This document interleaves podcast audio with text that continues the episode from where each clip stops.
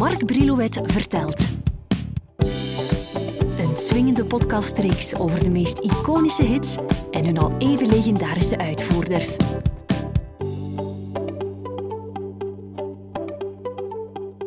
Nee, je bent geen loser of een slechte quizzer of wat dan ook.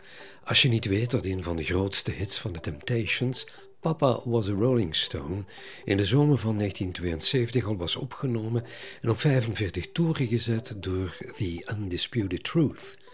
Pas drie maanden later zouden de Thames op single uitbrengen. Maar wat is nu het echte verhaal achter deze Motown-klassieker? Het was wel vaker de gewoonte bij Tamla Motown dat hun artiesten onderling songs van elkaar coverden. I Heard It Through the Grapevine werd niet alleen door Marvin Gaye op plaat gezet, maar ook door Gladys Knight and the Pips en ook door the Isley Brothers and the Temptations.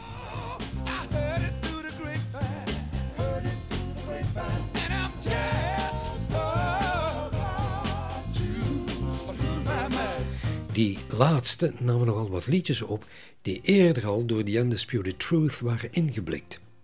Die namen voor Barry Gordy Jr., de baas van Tamla Motown, zo'n vier LP's op, waarvan tien liedjes ook door The Temptations werden vereeuwigd.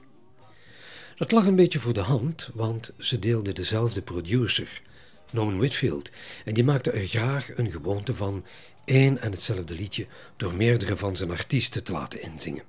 Toegegeven, die Undisputed Truth is een groep die bij ons totaal onbekend is gebleven. In hun thuisland Amerika echter wel goed voor een top 10 hit. En dat in de zomer van 71 met Smiling Faces Sometimes. Eveneens, u voelt mal komen, door de Thames op plaat gezet.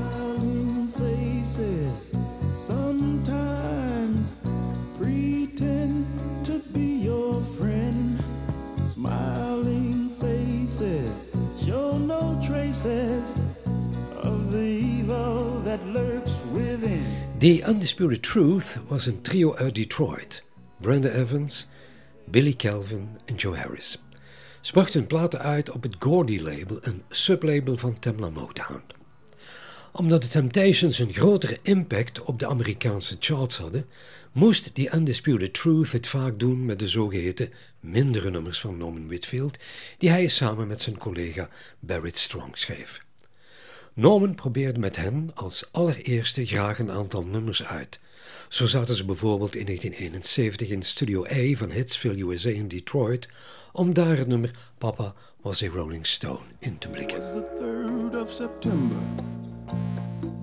That day I'll always remember, yes I will. Cause that was the day that my daddy died. Hun versie duurt nog geen vier minuten. U kan die nog wel ergens beluisteren.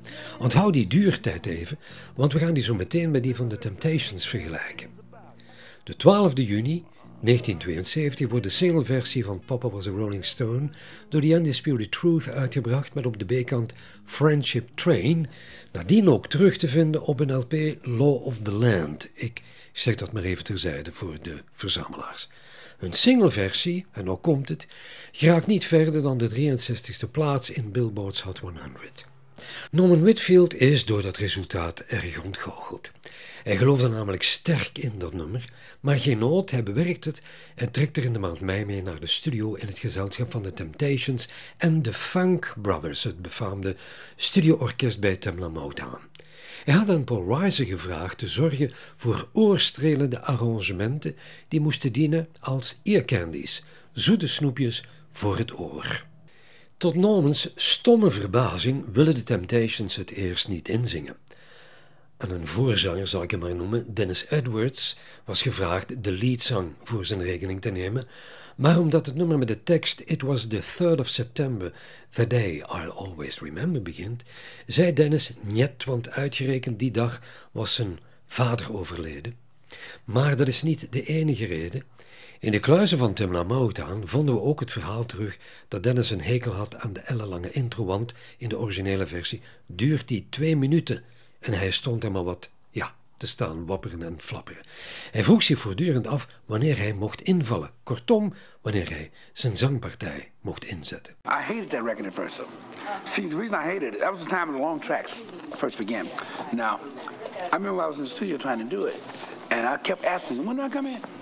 When, do, do I come in now? Do I come in now? And it was so long before I came in. I think the Dells had stayed then.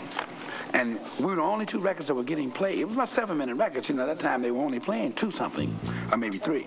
Uh, but you know the results. Maar na lang aandringen dus blijft Dennis en begint hij met zijn zangpartij. Die boosheid van Dennis die komt de opname ten goede, want hij zingt iets ruwer dan normaal. Nu hadden de Temptations al enkele songs opgenomen in wat we in die tijd aanduiden als psychedelic soul. Het publiek was er niet zo tug op, ze lusten liever een ballad, maar daar had Norman geen oren naar. Dus wordt de singlekeuze uiteindelijk dan toch Papa was a Rolling Stone. De LP-versie duurt bijna 12 minuten. Alleen de intro van het nummer neemt al twee minuten in beslag. Naast een rist strijkers hoor je op de plaat qua begeleiding niets anders dan een steeds aanwezige bas, een bluesgitaar en een in die tijd razend populaire wah-wah-gitaar.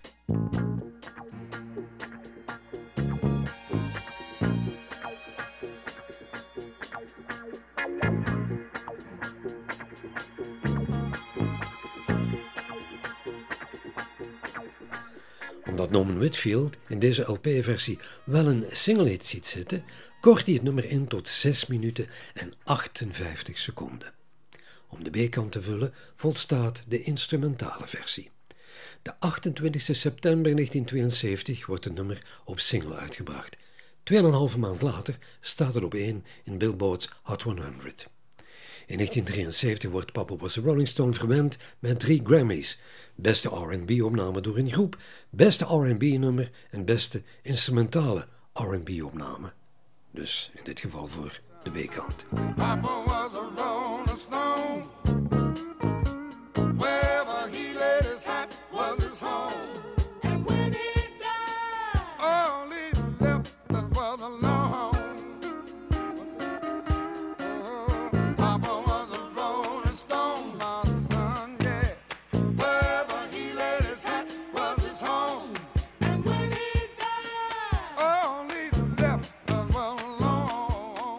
In de Nederlandse top 40 wordt Papa Was a Rolling Stone voor de Temptations hun hoogste notering.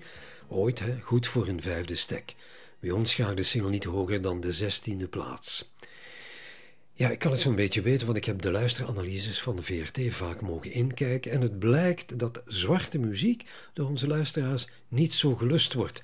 Ga bijvoorbeeld maar eens kijken in de top 30 en dan zal je zelf kunnen vaststellen dat er in de klassiekers op het Stax, het Atlantic en het Tamla Motown label het daar niet zo goed doen. Althans, nooit erg hoge ogen gooien. Een aantal uitzonderingen natuurlijk, daar gelaten. En mocht je nog wat tijd over hebben, luister dan na mijn verhaal hier ook eens naar de cover die George Michael op plaatste van Papa Was a Rolling Stone.